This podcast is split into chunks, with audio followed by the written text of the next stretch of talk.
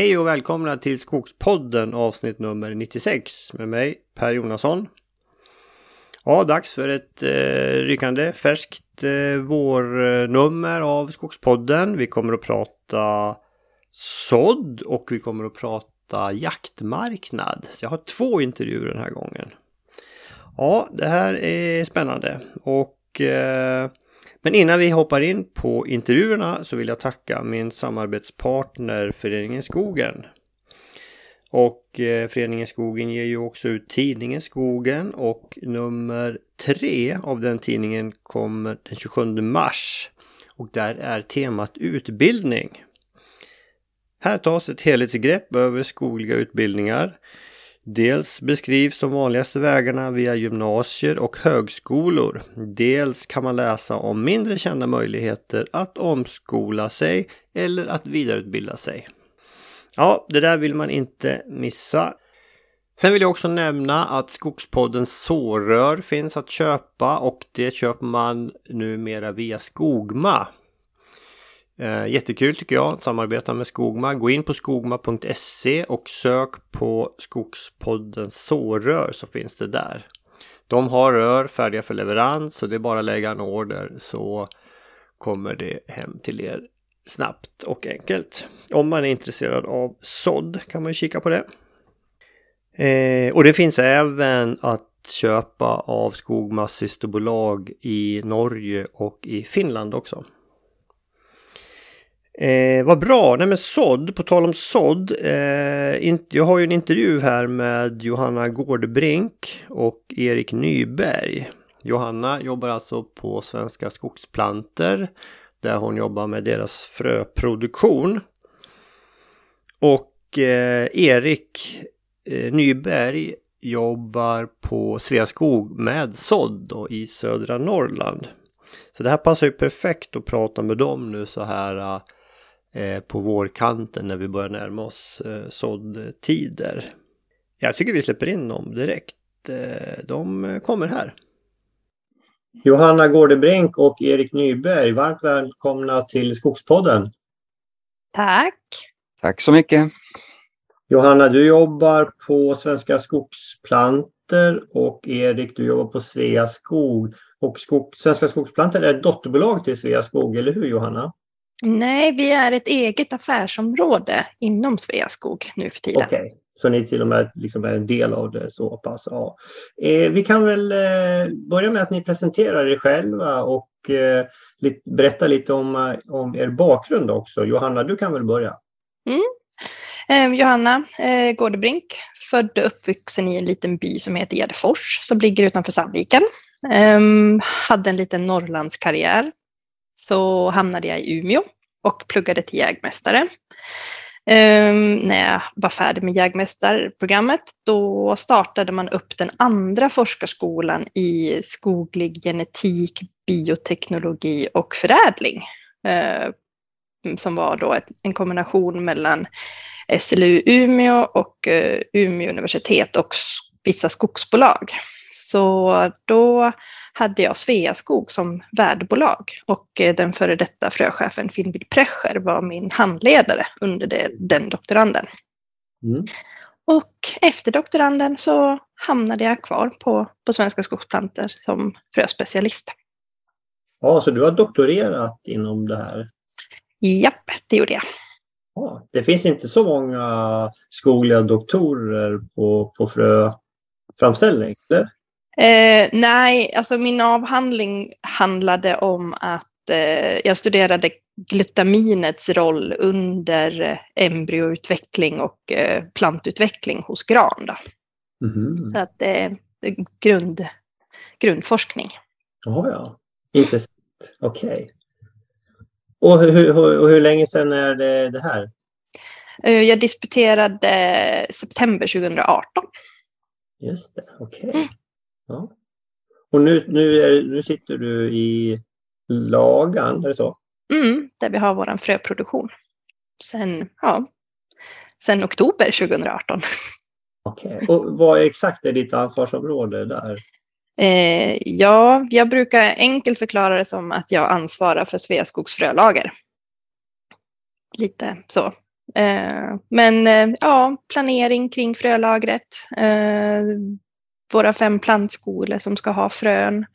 Eh, extern försäljning. Ehm, vilka ja, nyanläggningar av våra fröodlingar.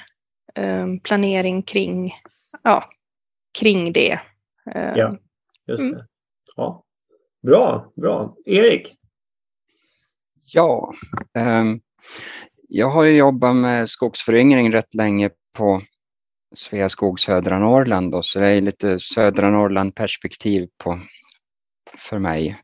Och eh, jag har jobbat med det här praktiskt och operativt betydligt mer praktiskt än Johannas bakgrund här då. Eh, gick eh, skogstekniker på Skogsmästarskolan i Skinnskatteberg eh, 80, 89, 88, 89. så det är ett tag sedan. Sen dess har jag jobbat mycket med skogsvård och så här först på Korsnäs i 14 år och sen på Sveaskog sedan 2003. Mm. Um, så det är min bakgrund.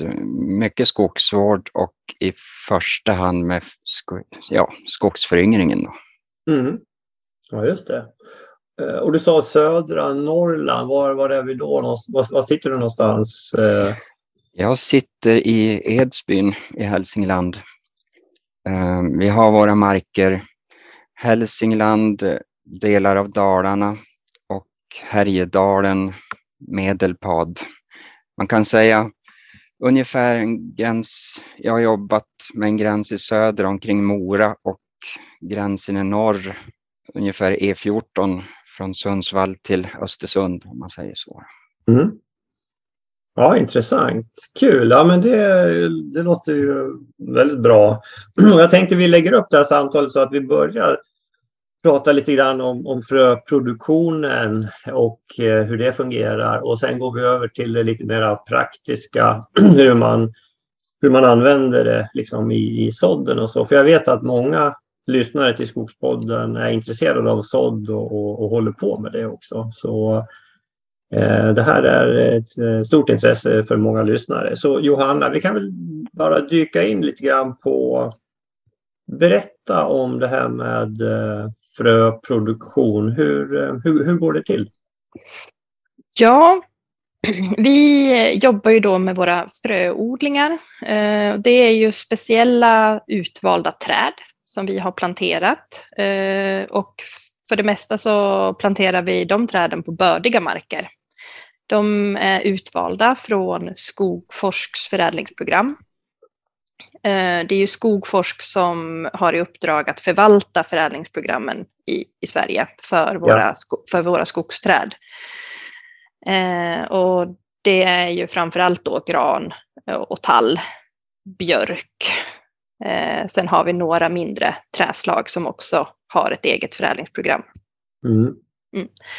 Men det vi gör, det är ju att vi, vi planterar de här utvalda träden i, och det gör vi um, ungefär alltså när det finns ett nyare förädlings, alltså när man har nya eh, parametrar, eh, nya egenskaper och, och, nya värden som, som vi kan ta, ta tillvara på. Mm. Eh, och de här träden sköter vi om som eh, att det skulle vara äppelträd lite grann. Vi, eh, vi, vi klipper dem för att vi vill ju hålla dem små eh, och liksom kvistiga. För det, det, vi är ute efter det är ju kottarna. Ja. Eh, och för att få mycket kottar så behöver de ju ha mycket, mycket grenar och mycket kvistar. Eh, men eh, ja, så det, de se, våra, våra fröodlingar, tittar man på en sån så, så ska man inte tro att det är till för för skogs... Alltså det är inte virkesproduktion vi sysslar med utan det är för kottproduktion. Just det. Mm. Det blir lite som äppelträden i Kivik kanske. De blir liksom låga så man kan plocka äpplena. Mm, exakt. Alltså, hade ni sa du, fem, fem odlingar? Sa du det? Nej, eh, Nej, vi har ungefär strax över hundra fröodlingar över he, fördelat över hela Sverige. Eh, och så sen så är vi andelsägare i cirka 20 andra eh, fröodlingar som andra aktörer sköter om. Mhm. Mm. Slår vi ut det hela så äger vi lite drygt 1000 hektar sådana här fröodlingar. Oj, ja, det är ju jättemycket.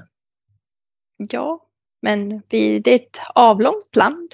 Ja, Vi, vi, vi behöver ha så mycket. och ni behöver ju ha då, för det är liksom olika provenienser på, på fröna då förstås.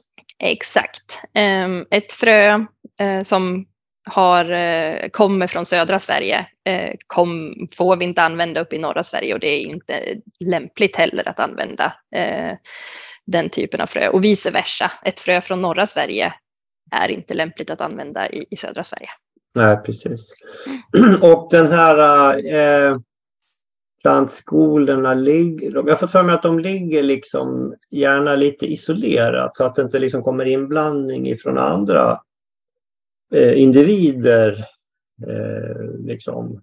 Ja, våra frö- fröodlingar ska ju helst ligga lite isolerat. Eh, för pollen kan ju, kan ju färdas långt. Ehm, våra, våra plantskolor och deras geografiska lokaliseringar, de, de är inte lika mycket påverkade av, av pollenet från eh, alltså gran och tall. Däremot så vet jag att de kan ha en viss problem ifall det finns eh, andra träslag som kan frö av sig väldigt mycket, till exempel aspen och säljen. Ehm, Då kan vi få sådana inslag i våra odlingar som, och det, det kan förstöra mycket på odlingssidan. Ja, ja. Hur, hur ser er fördelning ut mellan, mellan tall och gran fröproduktion? Eh, ja, för, generellt sett så har vi, vi producerar cirka tre ton eh, skogsfrö varje år här i lagan. Eh, och då brukar vi kanske ligga på två ton tallfrö och ett ton gran. Men där har vi då problemet med, med granen, att den eh, blommar oregelbundet. Så där kan det dröja tio år innan vi får en, en granblomning och därmed en skörd. Så nu de senaste åren när det har varit ganska torrt, då, då har granarna gett skörd. Så då har vi fått lite mera granproduktion. Mm. Mm. Just det, för tallen och granen de har olika fröcykler. Ja, eh, det skulle man kunna säga. Ber- Berätta, berätta om det. Eh, ja, granen, man vet ju inte exakt hur eh, blomningen på skogsträd fungerar. Man, eh, man vet att granen året innan eh, den sätter kott eller blommar eh, behöver ha en period av, av värme och, och kanske lite torka också. Och det här brukar vara i juni, runt midsommar ska det vara varmt och torrt. Då eh, blir det stimulanser som gör att våren därpå kommer granen att blomma och då sätta kott. Eh, tallen är inte alls lika påverkad av, av den typen av eh, klimat. Så den har en lite mer regelbunden kottsättning då. Eh, och den cykeln brukar ligga lite mer på tre år. Så att man har två år med lite lägre kottproduktion och så sen så tredje året så kan man få riktiga stora skördar. Just det. Mm. Eh, Sommaren 2018 var ju extremt torr i stora delar av Sverige och det, det blev väl mycket kott sen typ 2019 då? Japp, Mm, det vart det. precis. Ja, intressant. Men du, de här då fröna som ni tar fram eh, och en del det använder ni ju liksom för att få fram planter sen. Och Mm. en del säljer ni som frön. Hur är, Mm. liksom för, hur är fördelningen där? Eh, ja, lite generella termer. Så de här tre tonnen vi brukar producera, då brukar vi använda lite mer än ett ton till våra, våra plantskolor och till vår egen odling. Eh, sen så kanske vi säljer ja, runt ett ton också. Eh, och så sen så har vi ju då Erik och Egen skog eh, på Sveaskog som tar ja, någonstans runt 500 kilo till 700 kilo per år för skogssådd. Ja, det är så pass. Ja, ja. nu blev det ju, åtminstone förra året så tog ju tallfröna slut har jag förstått. Yep. Är det liksom en, en ökad efterfrågan på frön? Ja, det har vi märkt. Kan ni liksom möta det ökade behovet genom att få fram mera eller är det, det, det är det en lång process? Det... Um, ja, vi, vi gör så gott vi kan. Vi kan inte, uh, det, det, snabba, den snabba åtgärden vi gjorde, det var att vi gick uh, ut uh, till en av våra gamla fröodlingar på tallsidan som vi inte hade plockat in de senaste åren den hade vi lagt egentligen för pensionering. Mm. Ehm, men den fick vi eh, restaurera och eh, så fick vi börja plocka kottar från den för att kunna möta behovet för den ökade tallsådden. Ehm, sen så pågår det ju alltid ett jobb att anlägga nya fröodlingar för alltså, ett högre förädlat material. Ja. Ehm, men där är det ju att det tar ju cirka 15-20 år innan vi kan börja skörda de träden. Så mm, det, vi, det, är lite det är svårjobbat med korta, snabba insatser. Ja.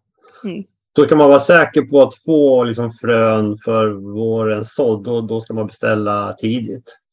Ja, vi har ju fått börja göra så att vi öppnar försäljningen då efter årsskiftet, så samma vår som man ska använda fröna. Så januari då kan man lägga, höra av sig till oss. Just det. Nu är vi börjar närma oss slutet på mars. Hur ser det ut beställningarna i år då? Finns det fortfarande kvar att beställa? Ja, det gör det. Ser eh, något bättre ut i år. Så jag tror vi kommer klara säsongen. Ja, just det. Vad, vad tror du den här ökade efterfrågan på, på tallfrö beror på? Ja, eh, torkan 2018 Eh, jag tror många upptäckte att man kanske hade använt fel träslag på, på vissa marker. Eh, att vissa granplanteringar kanske torkade bort. Mm. Um, sen uh, vet jag också att jag hade många kunder som hänvisade till Skogspodden. Ja, mm. kul. Och sen så tror jag Skogsstyrelsen hade en, ett någon kampanj kring mera tall, kallade de det. det. Om det var Skogsstyrelsen Örebro? De har haft både Örebro men ja, på lite, på lite olika ställen. De har väl kört det nationellt också tror jag. Okej. Okay. Mm. Ja, det... Södra har ju också kraftsamling tall kallar de det. Mm. Um, så jag, jag, tror att det, den generella trenden var att fler började prata om tall. Mm. Just det. Mm. Ja, just det. Kul. Eh, du, du pratar om det här med förädling och, och genetik och så. Var, var, hur, hur ligger vi till där? Hur pass mycket bättre blir det med, eh, med förädlat frö? Ja, eh, om vi pratar om det allra nyaste fröet som, som våra fröodlingar börjar producera idag så ligger ju det någonstans runt 25 procent bättre än ortens lokala material. Ehm, men förädlingen framgent, hur, hur mycket mera vi kan få fram, det, det beror ju lite grann på ehm, vilka egenskaper man väljer att prioritera. Under Treo så prioriterade man ju mycket eh, ökad arealproduktion.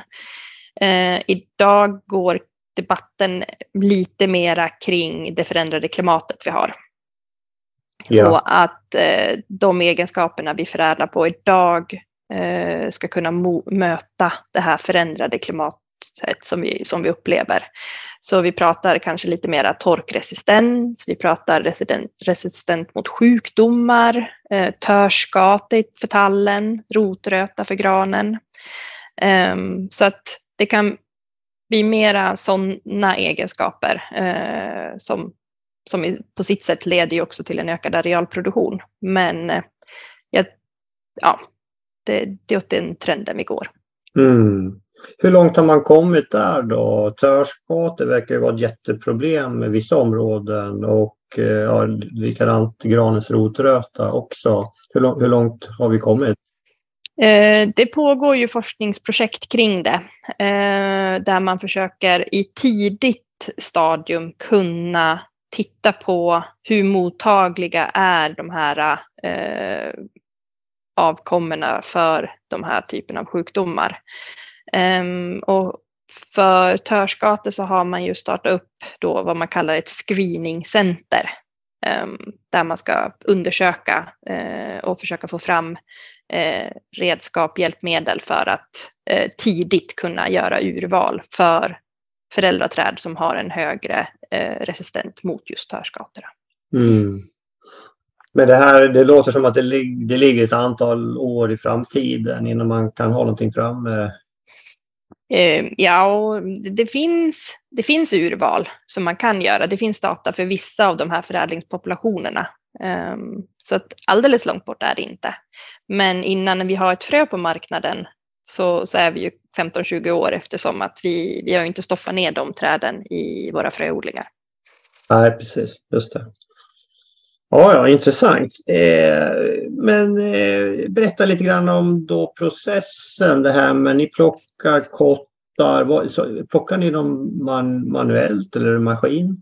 Manuellt? Nej, man, man plockar kottar manuellt och det gör man på hösten.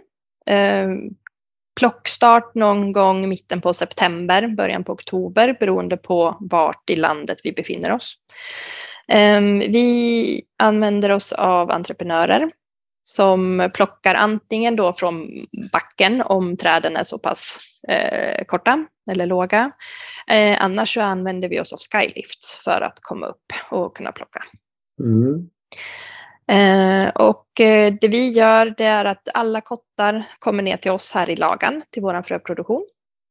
Kommer, eh, då kommer det många lastbilar in på gården. Eh, och så lossar vi av de här kottsäckarna. Eh, vi lägger dem i, på lager eh, ett tag så att de får eftermogna eftersom att vi plockar ju kottarna lite för tidigt. Eh, från träden. Hade de hängt kvar i naturen så hade de haft en naturlig eftermognad där. Men nu får vi efterlikna naturen hos oss. Ja. Men, vi, men vi vill plocka dem ganska tidigt just för att undvika de stora eh, skiftena i klimatet. Eh, för det kan påverka frökvaliteten i slutändan. Eh, ja, sen har vi en, en klängprocess där vi eftermognar kotten. Eh, den går igenom klängen och, och klängen är ju som jättestora ugnar.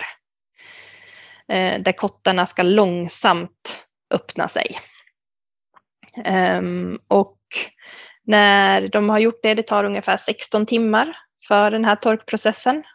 Då eh, häller vi kottarna i en jättestor tröska.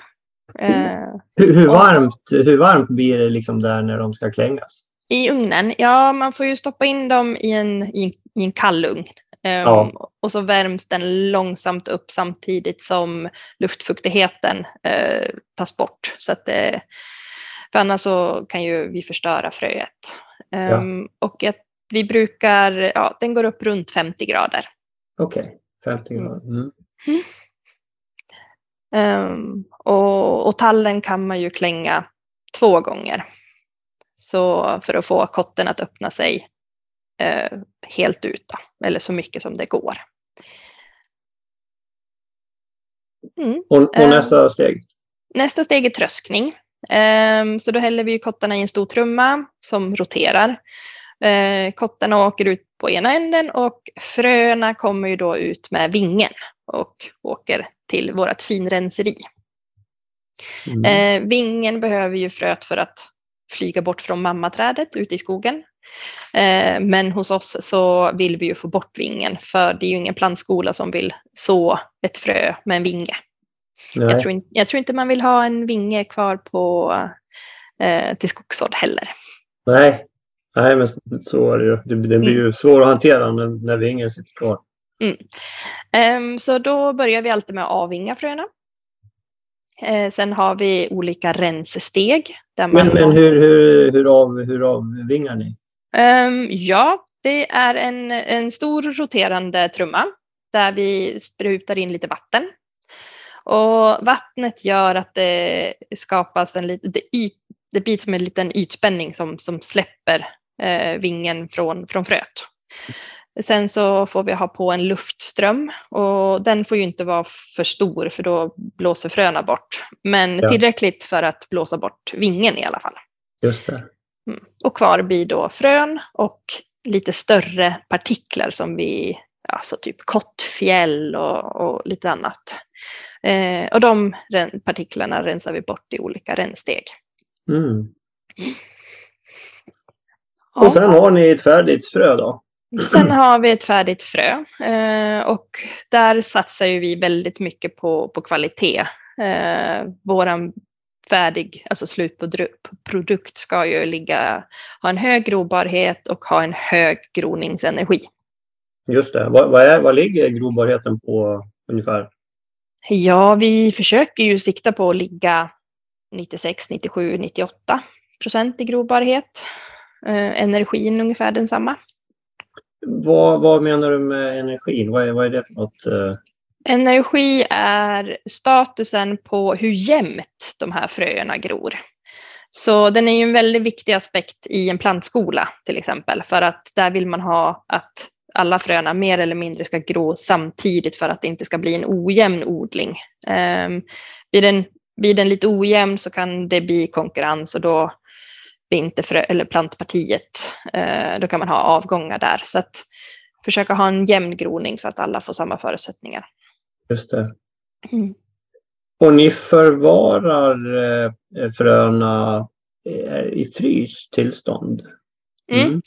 Eh, efter vi har finrensat och, och gjort alla våra rensesteg på fröpartiet, då stoppar vi in dem i torkskåpet och så får vi torka ner eh, fröerna till en fukthalt som gör att de går att långtidslagra. Eh, så att någonstans under 7 procent i vattenhalt. Ehm, och det, det gör att vi kan stoppa dem i våran frys som håller ungefär minus 18. Eh, och där kan de ligga väldigt länge. Vi, vi har nog fröpartier sedan ja, slutet 70-talet, början på 80-talet. Ja, och de kan mm. gro fortfarande? De kan gro fortfarande. Vi har tagit ut dem någon gång då och då och tittat hur de ligger till.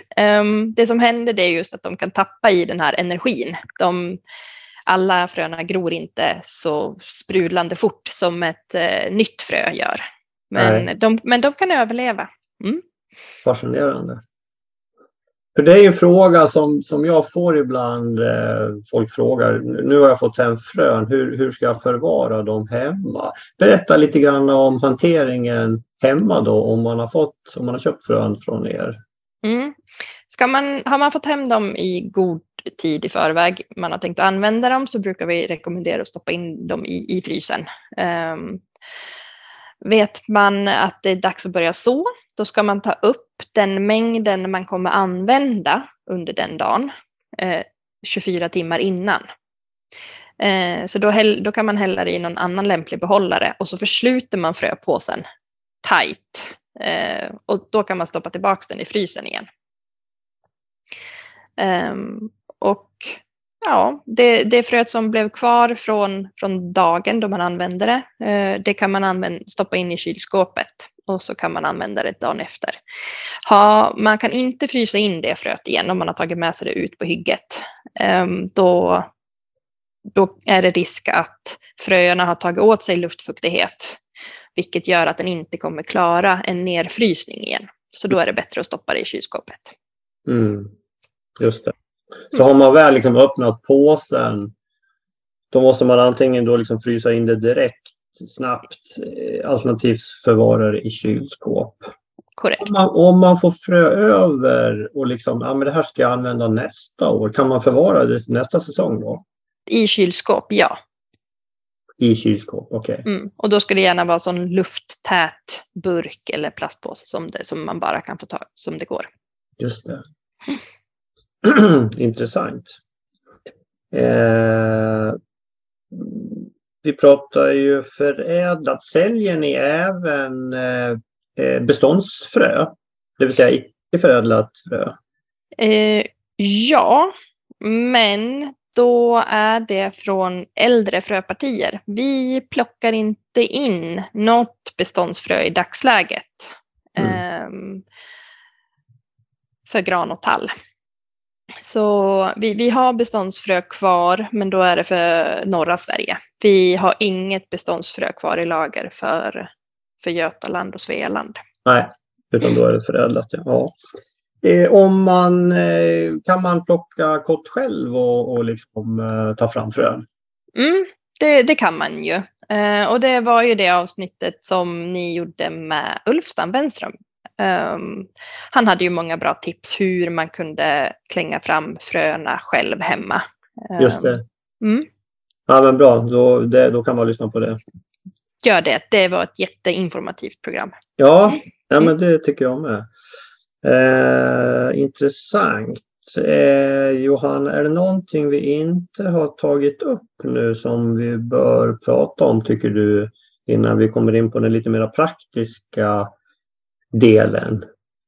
Mm, nej, det... Vi släpper in Erik tycker jag. Vi släpper in Erik så får vi höra lite grann hur du använder de här 50-700 kilorna som du får från Johanna. Det låter ja. väldigt mycket. Det är, för jag menar, om man tittar på statistik från Skogsstyrelsen, sådd är ju väldigt eh, alltså, ja, ovanligt. Men alltså det, det, det rör sig om 3-4 procent av arealen som beskogas med sådd. Och det har väl eh, eh, ja, det, det, det, har väl minskat historiskt. Det var väl mera förr. Eh, stämmer det Erik? Ja, om jag pratar ur Sveaskog och södra Norrlands perspektiv här så, eh, så var det väl lite en, en kulmen av sådd för kanske en tiotal år sedan ungefär. Eh, eh sådderna ersatte för vår del till rätt stor del eh, naturlig föryngring med fröträd. Mm. Av flera anledningar. Dels har vi riskerna med, med fröträna att de, de blåser ju ner ibland. Och när, när stormarna kommer är, är, man glad som stor markägare om man inte har allt för stora arealer fröträd. Då. Ja. Eh, och eh, fröträna ger ju heller då ingen förädlingsgrad på fröna, vilket Nej. sådderna gör. På, på Sveas egen mark så sår vi bara, åtminstone i södra Norrland här, så sår vi bara förädlat plantagefrö. Eh, Just det. Det är, ju, det är ju förstås brist på de vassaste förädlade mm. plantagefröna, så de går ju i första hand till plantodlingen. Men, men sen är det ju eh, nästintill så bra frön som vi sår med sen. Mm. Hur, mycket, hur mycket sår ni då i, om vi, om vi tittar på södra Norrland? Eh? Det, det, har minskat en del på senare år faktiskt. Ehm, så idag ligger vi väl på ett par hundra, par trehundra hektar. Ehm, vi har varit uppe i tusen hektar eh, som mest kanske. Ehm, men eh, någonting den storleksordningen. Jag tittade lite grann på Eh, vi har ju återväxtkontrollerna fyra år efter sådd som regel. Ja. Eh, så jag tittade på återväxtkontrollerna och gjorde 2022 här eh, det är ju från sådderna brandåret 2018 och det var runt 550 hektar det året. Hur stor andel är det då av er totala beskogning i området ungefär? Vet du det? storleksordningen någonstans eh, 20, 15-20 procent någonstans. Det är ganska mycket ändå. Ja, och som sagt, eh, nu ligger vi nog inte riktigt på de nivåerna utan nu är det lite mindre. Här. Är det så att planteringen har liksom ökat och, och sådden minskat? Ja, så är det. Och var, varför då? Eh, Ja, dels så försöker jag eftersträva en, en bra förädlingsgrad här då och vi, vi får ju en högre förädlingsgrad om vi, om vi planterar än mm. om vi sår då, som genomsnitt, även om vi sår plantagefrö också. Och så eh, har vi blivit lite kräs, kräsnare med vilka marker vi väljer. Eh, det ska vara riktigt bra såddmarker. För väljer vi riktigt bra såddmarker, väljer vi dem noga, så då har vi liksom jämförbara föryngringsresultat som är planteringen. Men eh, sår vi för stor andel, då blir det ju automatiskt också lite, inte helt optimala såddmarker som kommer med. Och eh, då sjunker föryngringsresultaten också. Berätta om den optimala såddmarken. Hur ska den se ut? Ja, ska, ska, jag, ska jag ge en riktigt enkel bild så, så skulle jag säga en, en mark dit, dit jag gärna åker och plockar lingon. Ungefär så. Eh, vegetationstyp lingon, en, en vanlig morän, sandig, moig morän, frisk mark. Eh, det, det, är vissa saker som jag ser man, man ska se upp med lite grann. Då. Fuktig mark går, går bort som regel. Då. Utan det ska vara frisk mark. Så fuktig mark går bort. Om det är allt för torra, skarpa marker så går de också bort. Ehm, sen har vi själva texturen. Ehm, det får inte vara finjordsrikt, då får du uppfrysningsrisk av grodplantorna. Så det går också genast bort. Och lite, lite grann i andra änden också att de, de allra grövsta, torraste markerna mm går också bort. Just och sen det. har vi det här med konkurrensen och så. Alltså en, en sådd är ju mer konkurrensutsatt. Så, sådda grodplantor är ju mer konkurrensutsatta än planterade plantor. Så att det är viktigt att beakta hyggesvegetationen. Eh, risk för uppslag av löv, björksly och sådana saker. Det, det, funkar inte bra ihop med sådd.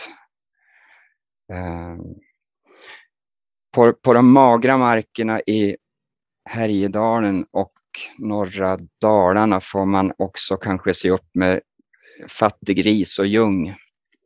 Eh, mm. Där har vi ju allelopatin, kemiska krigföringen mellan ljung och fattigris som, som ju helt enkelt hämmar frögroningen. Mm. Just det. Eh, vad har du? Du sa lingon, alltså blir, om det blir bördigare blåbär och liksom ännu bördigare då eh, eller har du någon, liksom någon ståndortsindex du kan säga liksom, vi går hit men absolut inte högre upp? Nej, det är lite svårt att säga. Det kan bero på historiker på bestånden och sånt här också. Man kanske också behöver beakta, till exempel har skogen man ska avverka gödslas så kan det ge effekt på hyggesvegetationen i hyggesfasen. Så jag skulle liksom rekommendera att titta gärna på ett intilliggande hygge med samma ståndortsegenskaper. Eh, blir det mycket gräs och annan hyggesvegetation på hygget så, så ta det som en varning, tänker jag. Mm. Just det. Då så... kanske, då kanske liksom södra Norrland, det kanske är ganska... Det här som du beskriver, förutsättningarna kanske finns extra mycket där. Jag tänker om man är liksom långt ner i Götaland, där har man ju ofta mera örter och gräs som slår upp ganska snabbt. Ja, ja precis så är det. det. Det märks ju också på våra planteringar. Vi planterar ju vanligen med betydligt mindre planter. De, de är de är ju mindre plantstorlekar vi använder än man gör i Götaland. Mm. Och, och, det av samma anledning egentligen. Då. Mm.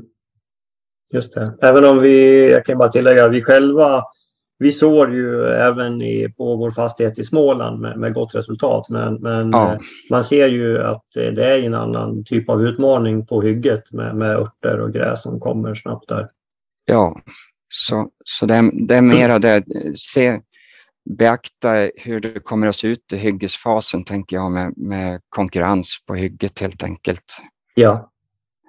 Vi, vi har inte gjort det i södra Norrland här, men jag vet att man längre söderut också ibland sår i princip under fröträd eller en, en tallskärm eller något. Då.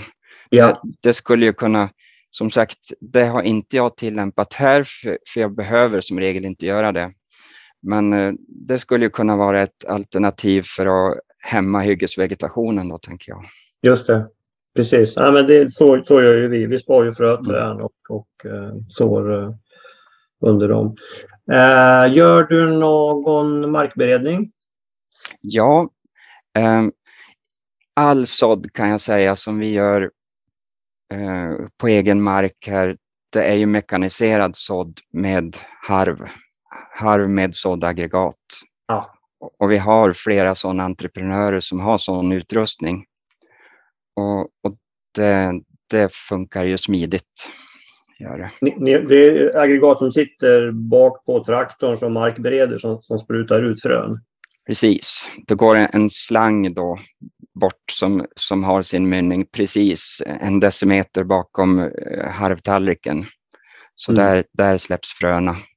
Så de, de hamnar ju i, på mineraljorden liksom en, en tiondel sekund efter att mineraljorden har blivit bort, blottlagd. Då.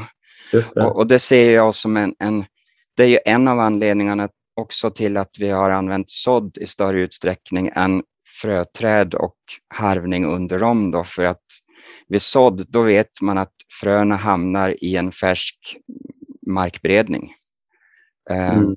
Markbereder under fröträna, det kanske inte ens blir frösläpp samma år som, som du markberedde. Beroende sant. På. Så, så, och det tror jag gör rätt så stor skillnad för plantbildningen, om markberedningen är, är färsk eller inte. Mm. Hur, vill, hur vill du att markberedningen ska se ut? Eller hur, hur ser en optimal markberedning ut i dina ögon? Eh, Den ska vara grund, men eh, du ska ju du ska antingen få en, en mix av mineraljord och lite humus eller ren mineraljord men eh, blekjordslagret, då, det översta lite blekare mineraljorden. Eh, helst inte ner i, den, i rostjorden som vi kallar det lite längre ner. Eh, rostjorden eh, binder mycket mera vatten och det innebär att uppfrysningsrisken för de små grodplantorna blir betydligt större på, på vintern och på hösten, vintern. Mm. Så en, en grund en grundharvning, tänker jag. Ja, just det. Hur, mång, hur mycket frö lägger ni ut per hektar?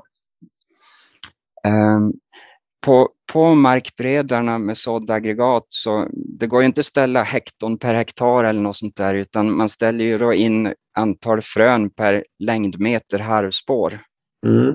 Och eh, vi har väl gått ner i giva eh, genom åren i takt med att vi har fått bättre frö och sådana här saker. Så att nu är vi nere någonstans i, i ja, någonstans i trakterna 10, 12, 10, 15 frön per längdmeter harvspår ungefär.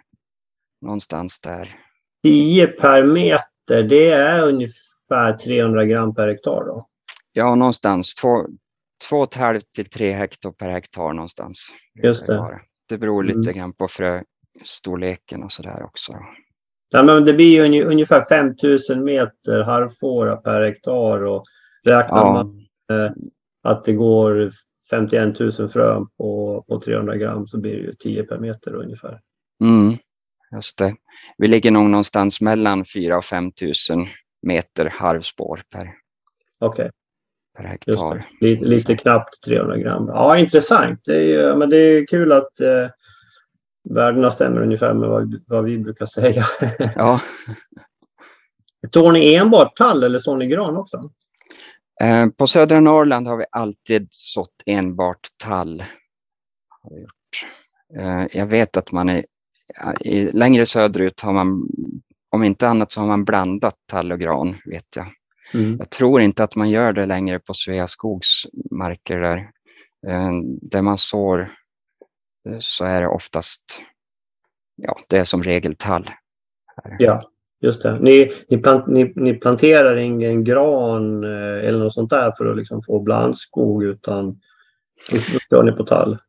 Det har, det har också förekommit vet jag, men eh, eh, vi kör, idag tror jag det är sällan man gör en kombination Utan eh, vi, då, I och med att vi sår lite mindre andel, lite mindre arealer också, så blir det som regel de, de rena sådd tallmarkerna helt enkelt som man sår. Då. Mm. Vad, vad, ser du för fördelar med, med sådd då jämfört med om, om ni hade planterat motsvarande? Ja, eh, man, man kan ju, när man lyckas bra så kan man ju få ett högre plantantal utan så mycket större kostnad om man säger. Eh, så det kan vara en fördel. Det blir inte alltid så. vi, vi, har ju sådder som, som eh, ger låga plantantal också förstås.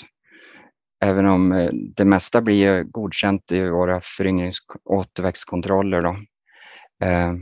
Vad, vad, vad, brukar ni hamna på för plantantal efter då tre, fyra år? Ja, vid återväxtkontrollerna så räknar vi bara huvudstammar så att säga.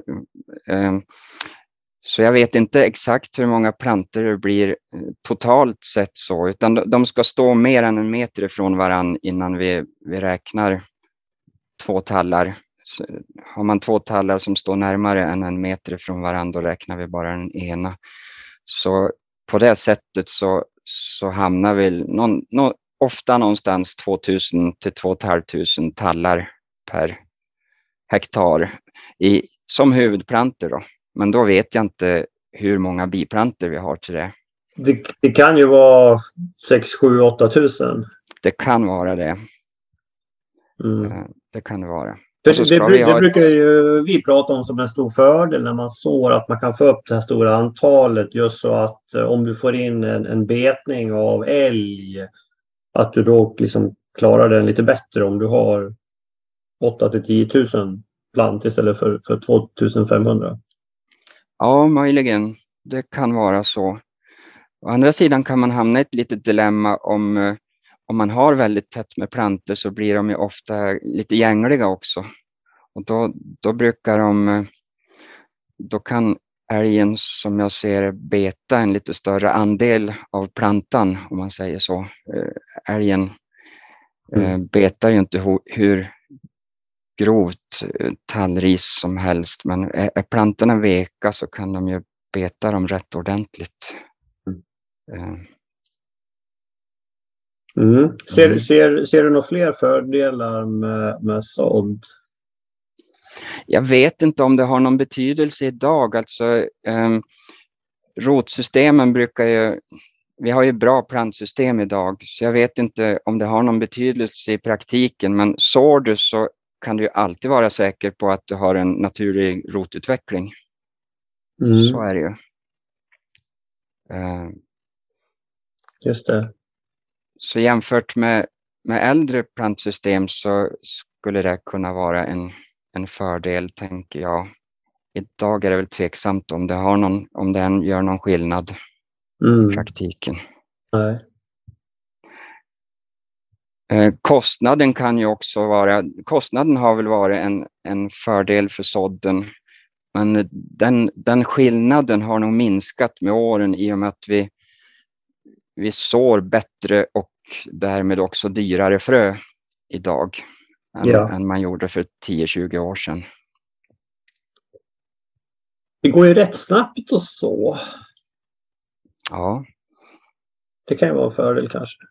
Ja, och eh, om man har brist på plantörer eller skogsvårdsarbetskraft så är det klart att du slipper det ledet då, om, ja. om du sår. Det, det blir bara en markberedningsförare på, på hygget. Ja. Men vad, vad ser du för nackdelar med sådd då? Jämfört med plantering? Um, ja, om man säger så här, det, det, går ju alltid att plantera en såddmark, men det är många planteringsmarker som inte går att så, om man säger så. Det, det gäller att man väljer sina, sina sådder. Ehm, mm. Så på det sättet så kan det vara en, en högre risk att välja sådd jämfört med planteringen. Planteringen funkar ju på de flesta marker. Sådderna funkar bara på vissa marker. Mm. Eh, och du förlorar något år i tillväxt. Eh, som man kan se till exempel på att eh, efter plantering då så gör vi återväxtkontrollen efter två år. Andra sommaren efter plantering, men efter sådd så gör vi återväxtkontrollen fjärde året efter sådd. Eh, ja. Och det beror ju på att plantorna ska hinna bli tillräckligt stora för att de ska gå bra att räkna och för att man ska kunna avgöra om de är på väg att överleva eller inte. Mm. Händer det när ni kommer tillbaka för att räkna då en sådd att ni ser att nej, det, här var, det här var inte tillräckligt, det här måste vi göra någonting åt? Ja, det händer ju. Det händer ju förstås. Eh, ibland så kan det också räddas av lite naturlig föryngring och så här. Ofta idag så det finns ju ganska gott om trädgrupper och enstaka sparade träd och så vidare som också fyller på. Mm.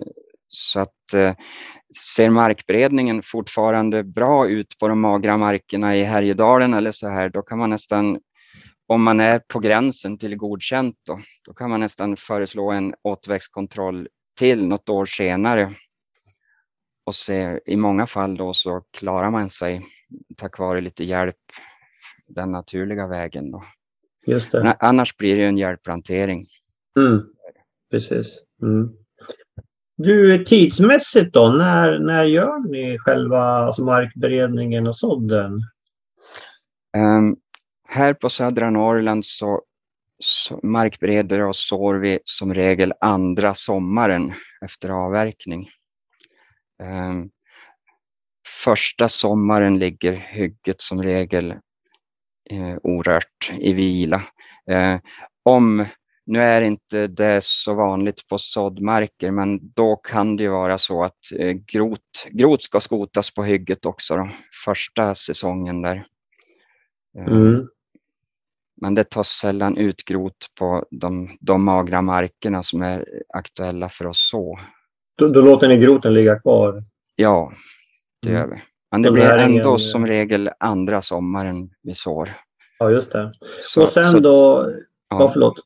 Nej, så det, det, gäller ju att det inte är för bördiga hyggen då, helt enkelt så att uh, hyggesvegetationen kommer för snabbt. Ja, precis. Och, och, när, liksom, du säger på sommaren, när liksom tidsmässigt har du liksom någon uh, önskad period under sommaren, våren? Ja, Eh, såddsäsongen är ju för våran del maj och juni. Eh, vi, vi, ska vara klara till slutet av juni med sådderna.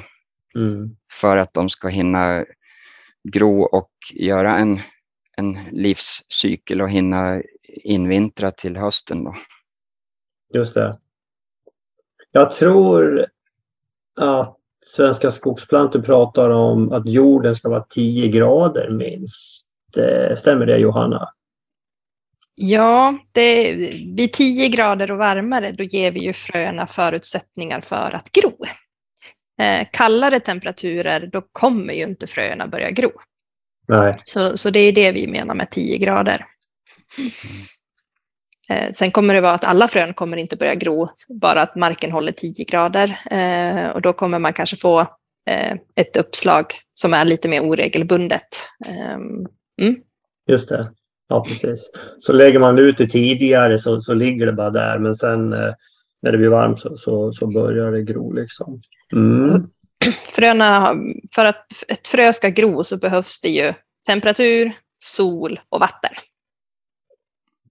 Okej. Okay. Mm. Just det. Intressant. Erik, såg ni någonting på, på hösten överhuvudtaget? Eh, längre tillbaka så hände det att vi sådde contorta på hösten. Eh, Eh, ju senare ju bättre. De, det här kan ju säkert Johanna bättre än jag, men de, de verkar ha ett väldigt hårt skal och eh, behöver ligga till sig och suga i sig fukt under en längre period. Så att sår du en, ett contortafrö sent på hösten, då, då gror de kommande vår. Mm. Men vi har inte sått tall på hösten, det har vi inte gjort. Och nu är det ganska många år sedan vi sådde någon contorta också.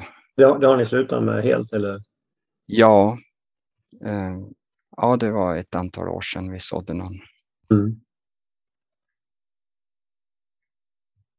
Det blir Mm. en naturlig eh, båtbehandling av de där contortafröna över vintern. Mm. Vad sa du? En, en eh, våtbehandling? Mm. Eh, en typ av, av stratifiering kallas det. Men Mm. att eh, mm, Ja, precis. Just det. Ja, men det finns ju de som håller på med contorta, men det kanske är ännu längre norrut. i och för sig. Jag vet inte om de sår eller planterar. Säljer ni contortafrön eh, överhuvudtaget? det beror på lagersituationen. Ja, men intressant. Eh, Erik, det här var kul att höra att ni så så pass mycket. Eh, det är ju, har du liksom, eh, har du kollegor inom eh, Sveaskog som hör av sig till dig från andra delar av landet och liksom vill testa på det här med och, och så mera eller hur, hur ser det ut? Ehm, jag tror att det har minskat en del med sådden generellt på, på Sveaskog faktiskt. Men det, det på alla regionerna våra så finns det en erfarenhet av sådd.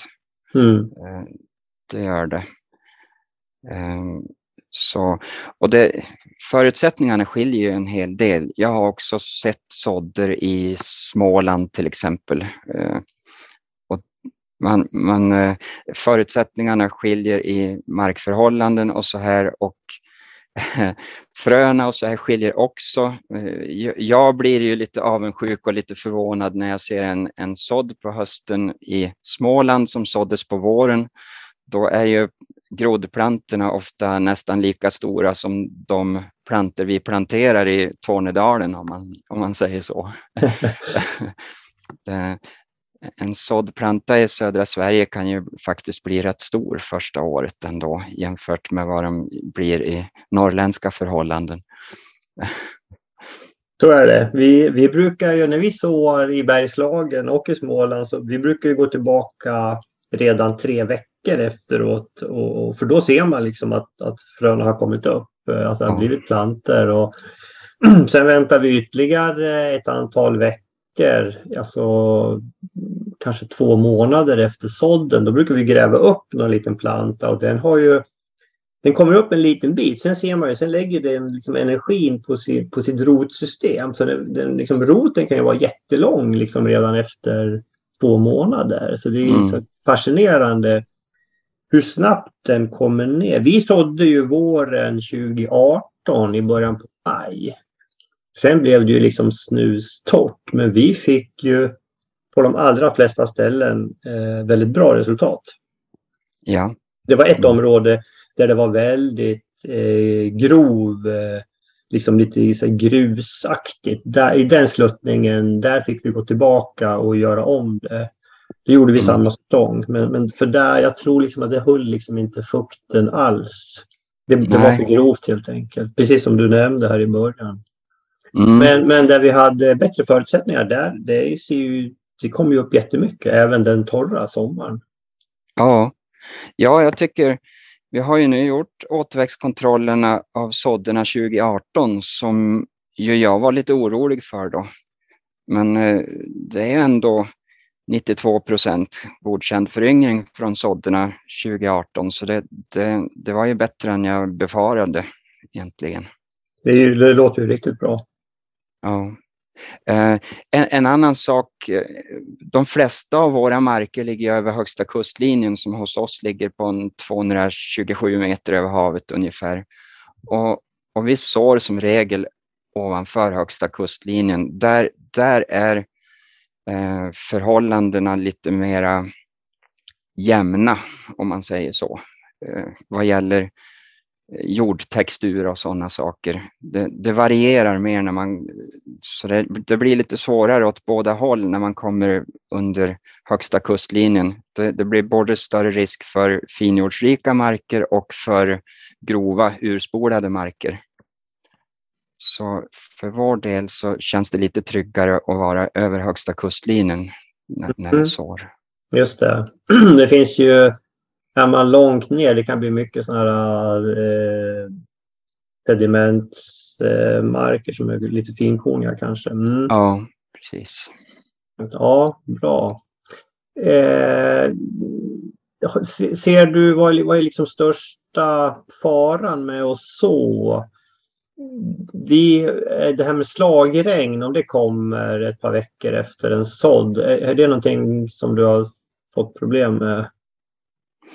Ja, det, det törs jag inte säga så mycket om, för det, det är väldigt svårt att veta. Vi, vi besöker sällan våra sådder så nära eh, eh, första sommaren om man säger så. Ni, ni, har nog bättre möjligheter att ut och titta och inventera era sådder när de är bara några veckor gamla och groddplantorna har kommit upp. Det gör inte vi rutinmässigt, så när när vi får avgångar så har vi ganska svårt att säga vad de har berott på. Ett slagregn är inte säkert att vi, mm. att vi vet om, om man säger så. Nej. Eh.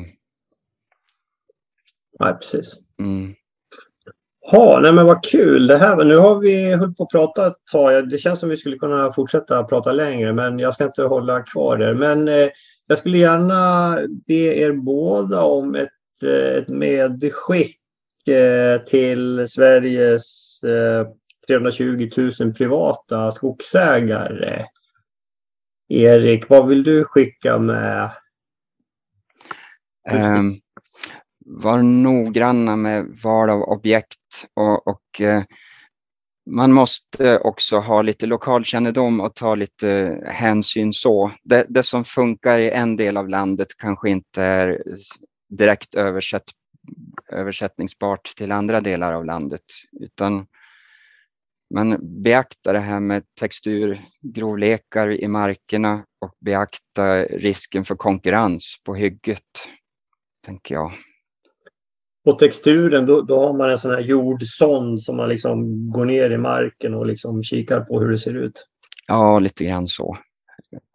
Och man kan titta på eh, erfarenhet från omgivande marker och så här också. Vet, vet man att i de här områdena finns det problem med uppfrysning, kanske även med plantering, då, då är det inte läge att så.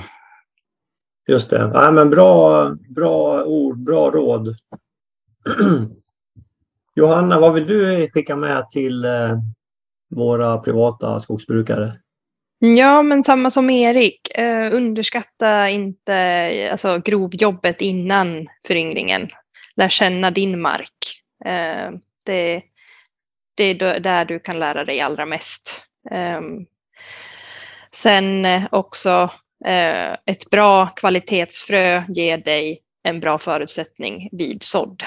Ehm, så mm. Mm. det är väl det vi kan skicka med. Ja, Ja, men jättebra. Suveränt. Eh, stort tack eh, Johanna och Erik. Det här var varit jätteintressant och jag är säker på att eh, många lyssnare uppskattar det här för många är intresserade av sådd och precis som vi pratade om i början, det, det, känns som att det är någonting som är ökande från, från en låg nivå men ändå på väg upp. Så det, det är ju jätteintressant. Vad bra, nej men eh, stort tack då. Då eh, säger vi på eh, återhörande så, så kanske vi får tillfälle att pratas vid igen. Mm, kul, tack. Tack så mycket. Tack så mycket. Ja, där hörde vi intervjun med Johanna och Erik. Ja, jätteintressant tycker jag. Det är ju kul att höra där eh, när Johanna berättar om hur fröproduktionen går till de hade ju alltså, nu ska vi se, det var alltså fem plantskolor men över hundra eh, plantager där de odlar frö. Var det så? Visst var det så? Ja, jag tror det. Eh, det finns ju i Lagan då bland annat där eh, Johanna sitter. Sen eh, jag vet att det finns, de har även i Trekanten som ligger mellan Nybro och Kalmar. Eh, fröplantage. Och på många andra ställen då. Ja men jätteintressant att höra. Det här är ju... Det var ju brist, vi sa ju det, det var ju brist på tallfrö förra året. Det tog slut. Så ska ni ha tallfrö och så i år, var ute i god tid och beställ. Eh, och sen var det kul att höra Erik också som han har ju stor erfarenhet av sådd och praktisk sådd. Och och eh, ja, jag tycker han skickar med många bra tips som är värt att tänka på. Det här med att verkligen studera marken och se är det liksom lämpligt med sådd eller är det bättre att plantera. Eller så kan man göra som, som vi gör. Eh, både vi planterar ju gran och sår tall. Oftast under en eh, fröträställning då. Så eh, det är också ett sätt att göra. Ja, jättekul. Eh, jättekul att prata med de här och vi lärde oss mycket. Men vi har ju faktiskt en intervju till. Eh, jag har nämligen fått en pratstund med Staffan Levin som tillsammans med några kollegor driver något som heter Jaktmarknad. Vad är det för något då? Jo, det är en marknadsplats på nätet där jägare och markägare möts och kan då göra affär på, eh, på möjligheter till jakt. Eh, lyssna på vad Staffan har att berätta och Eh, den intervjun kommer här. Staffan Levin, välkommen till Skogspodden. Stort tack! Jättekul att få vara med. Du driver tillsammans med några kollegor en webbsida som heter jaktmarknad.se som vi ska prata om. Men innan vi hoppar in på det, du kan väl berätta lite om dig själv och din bakgrund? Mm, tack! Eh, jag heter då Staffan Levin, kommer från Malung initialt, är 34 år, bor nu i Jönköping. Eh, min utbildning är faktiskt skoglig får man ju säga då, med tanke på att jag är eh, jägmästare. Så att till vardags, då jobbar jag med försäljning. Och nu då, sedan en tid tillbaka, så jobbar jag även på kvällar och helger med jaktmarknad. Eh, och jag har ju stort intresse då eh, av eh, skogliga frågor. Jag äger lite mark själv och eh, ja, föräldrarna äger också ett antal fastigheter i Halland och Dalarna. Så att jag är ganska hands-on också själv då. Jag röjer ganska mycket och planterat mycket i mina dagar sådär. Så att jag är ganska mycket ute i skogen. Och kanske föga förvånande då så har jag även ett jaktligt intresse då. Mm, just det. Ja, men jag tänkte fråga dig, du, du, du jagar också? Ja, precis, det gör jag. Eh, och jag började väl egentligen i Malung och då var det ju mer att vara med i folkrörelsen som, som är älgjakten då. Eh, där är det väl ett mer, ja, ganska lugn tillvaro. Man, man sitter ute på en myr och sådär och sen Sommaren över en stuga. Eh, sen träffar jag många goda kamrater när jag började plugga uppe i Umeå och eh, inser att eh, jakt-Sverige är ju fantastiskt. Det finns väldigt många olika eh, möjligheter till olika typer av jakt. Eh, inte bara älgjakt utan det är även klövviltsjakt och det är kronvilt och det finns dov och det finns sjöfågeljakt, säljakt och en massa fantastiska eh, upplevelser man kan vara med om i jakt-Sverige. Eh, så då har det blivit mer att jag har kanske kommit in på, eh, på den biten då. Så att jag är med i eh, ett jaktlag eh, för närvarande i Sörmland. Eh, och eh, blir ju även att vi äger lite mark då så, så är jag med i ett lag i Halland. Och i och med min, mitt hundinskaffande här för ett par år sedan så så har jag en mark även utanför Jönköping där jag bor då. Mm.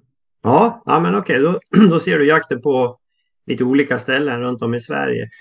Eh, och det kan säkert vara bra då, för du och några kollegor har, ni driver något som heter jaktmarknad.se. Vad är det för något? Ja, vi har ju eh, drivits av flera saker. Dels har vi tyckt att vi vill eh, försöka skapa något själv och vi har väl egentligen sett ett, en möjlighet att förbättra eh, för samtliga Eh, parter. Vi har ju fyra stycken eh, så att säga, huvudintressenter då, markägare, jägare, lantbrukare och jaktarrangörer. Och vi har upplevt att det har saknats en bra handelsplats för att köpa och sälja jakt. Eh, väldigt lite jakt eh, omsätts på marknaden. Eh, det görs upp väldigt mycket så att säga under hand eller på kvällen och så där, så det kommer inte ut så mycket. Eh, och då är det ju samtidigt väldigt många unga eh, kvinnor och eh, killar som eh, vill komma åt jakt. Och hur gör man då? Ja, det är inte helt lätt när man inte har ett eh, kontaktnät eller familje, eh, familjefastigheter och sådär. Så att där vill vi liksom hjälpa eh, jägare att komma ut då. Eh, och sen naturligtvis eh, för markägare, för det vet ju eh, markägare om att det är inte överallt. Det finns en balans eh, mellan foder och eh, klövvilt då. Så att vi vill liksom hjälpa alla.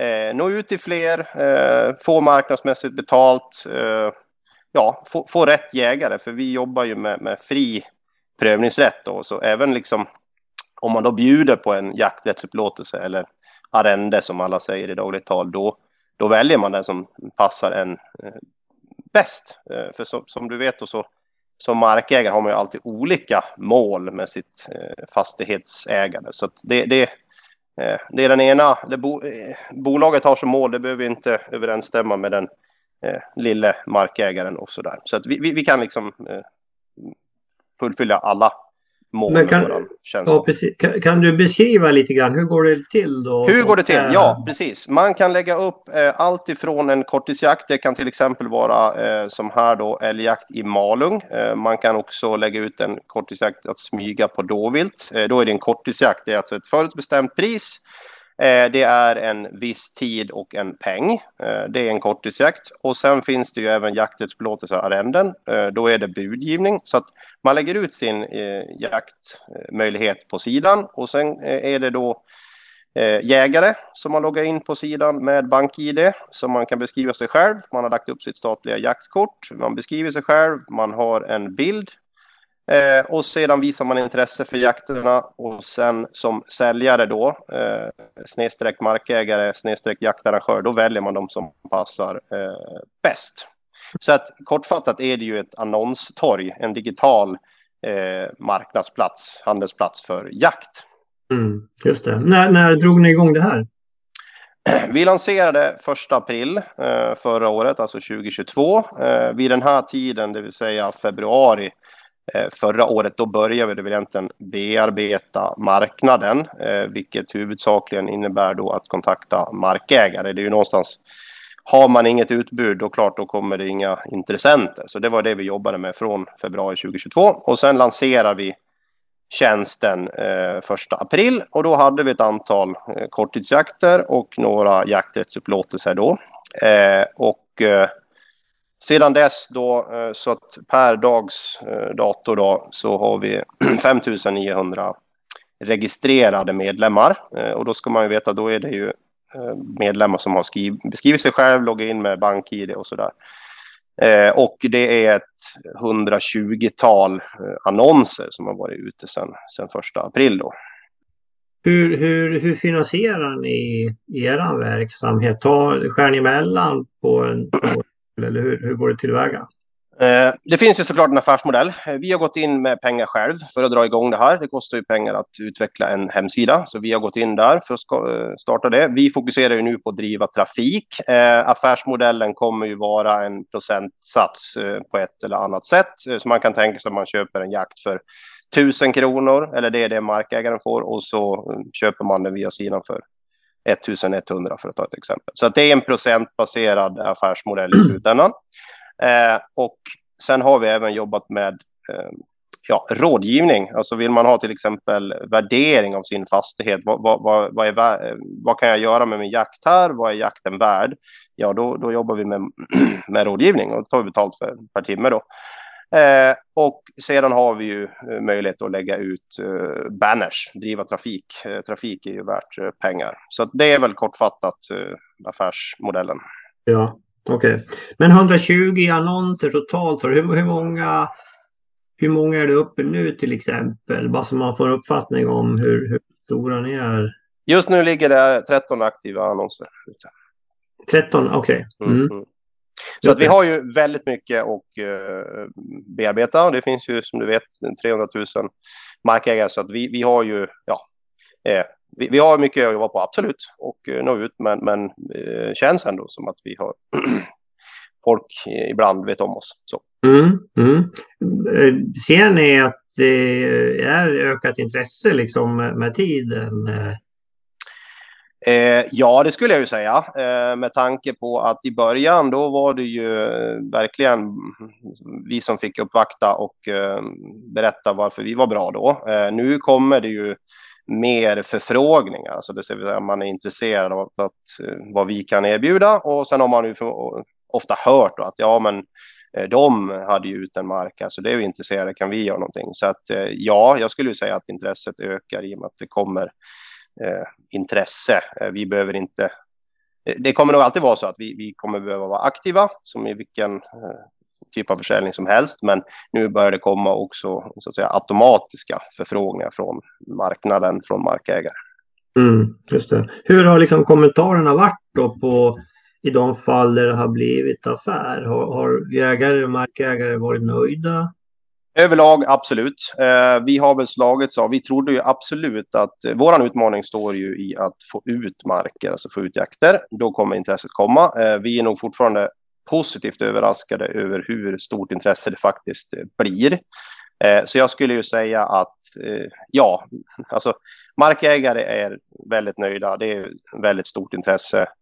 Eh, jägare har ju den fördelen att ja, tillgängliggörs ju jakter de facto. Alternativet hade ju varit att inte kom ut eh, överhuvudtaget. Mm. Liksom. Så, att, mm. eh, så ja, jag skulle säga att eh, responsen är eh, god och eh, överlag positiv. Det finns ju alltid kritik mot alla företeelser och tjänster. Ja. Du, men hur, mycket, hur stor liksom andel är korttidsjakt respektive lite längre arrende? För jag menar, jag, antar att de flesta jägare vill ha lite längre arrenden som man liksom lär sig känna marken och hur djuren rör sig och sådär. Mm. Ja, men precis. Allas eh, jaktliga dröm naturligtvis, det är ju att få sin egen mark.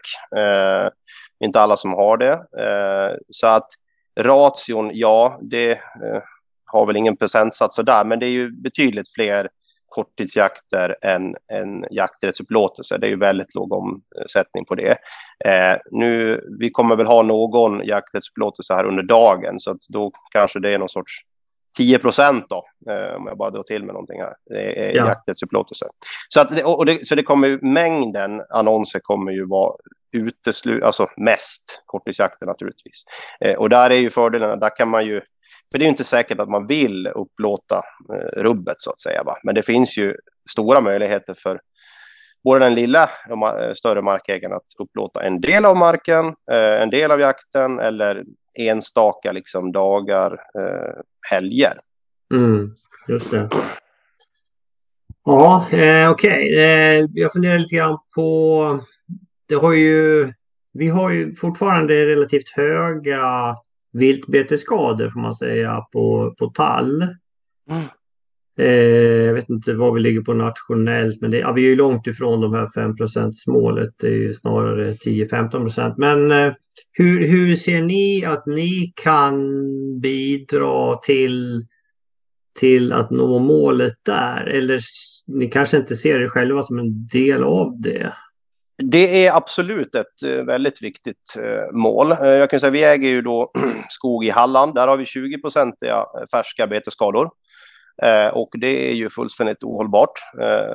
Så, så vi vill absolut ge möjlighet till en förbättrad balans. Man har ju mätt otroligt mycket alla skogsägare eh, betalar ju varje år eh, mycket pengar för att vi ska inventera och eh, inventering är ju jättebra, men så att säga, det händer ju inte så mycket i praktiken. Alltså det blir ju inte så mycket bättre överlag.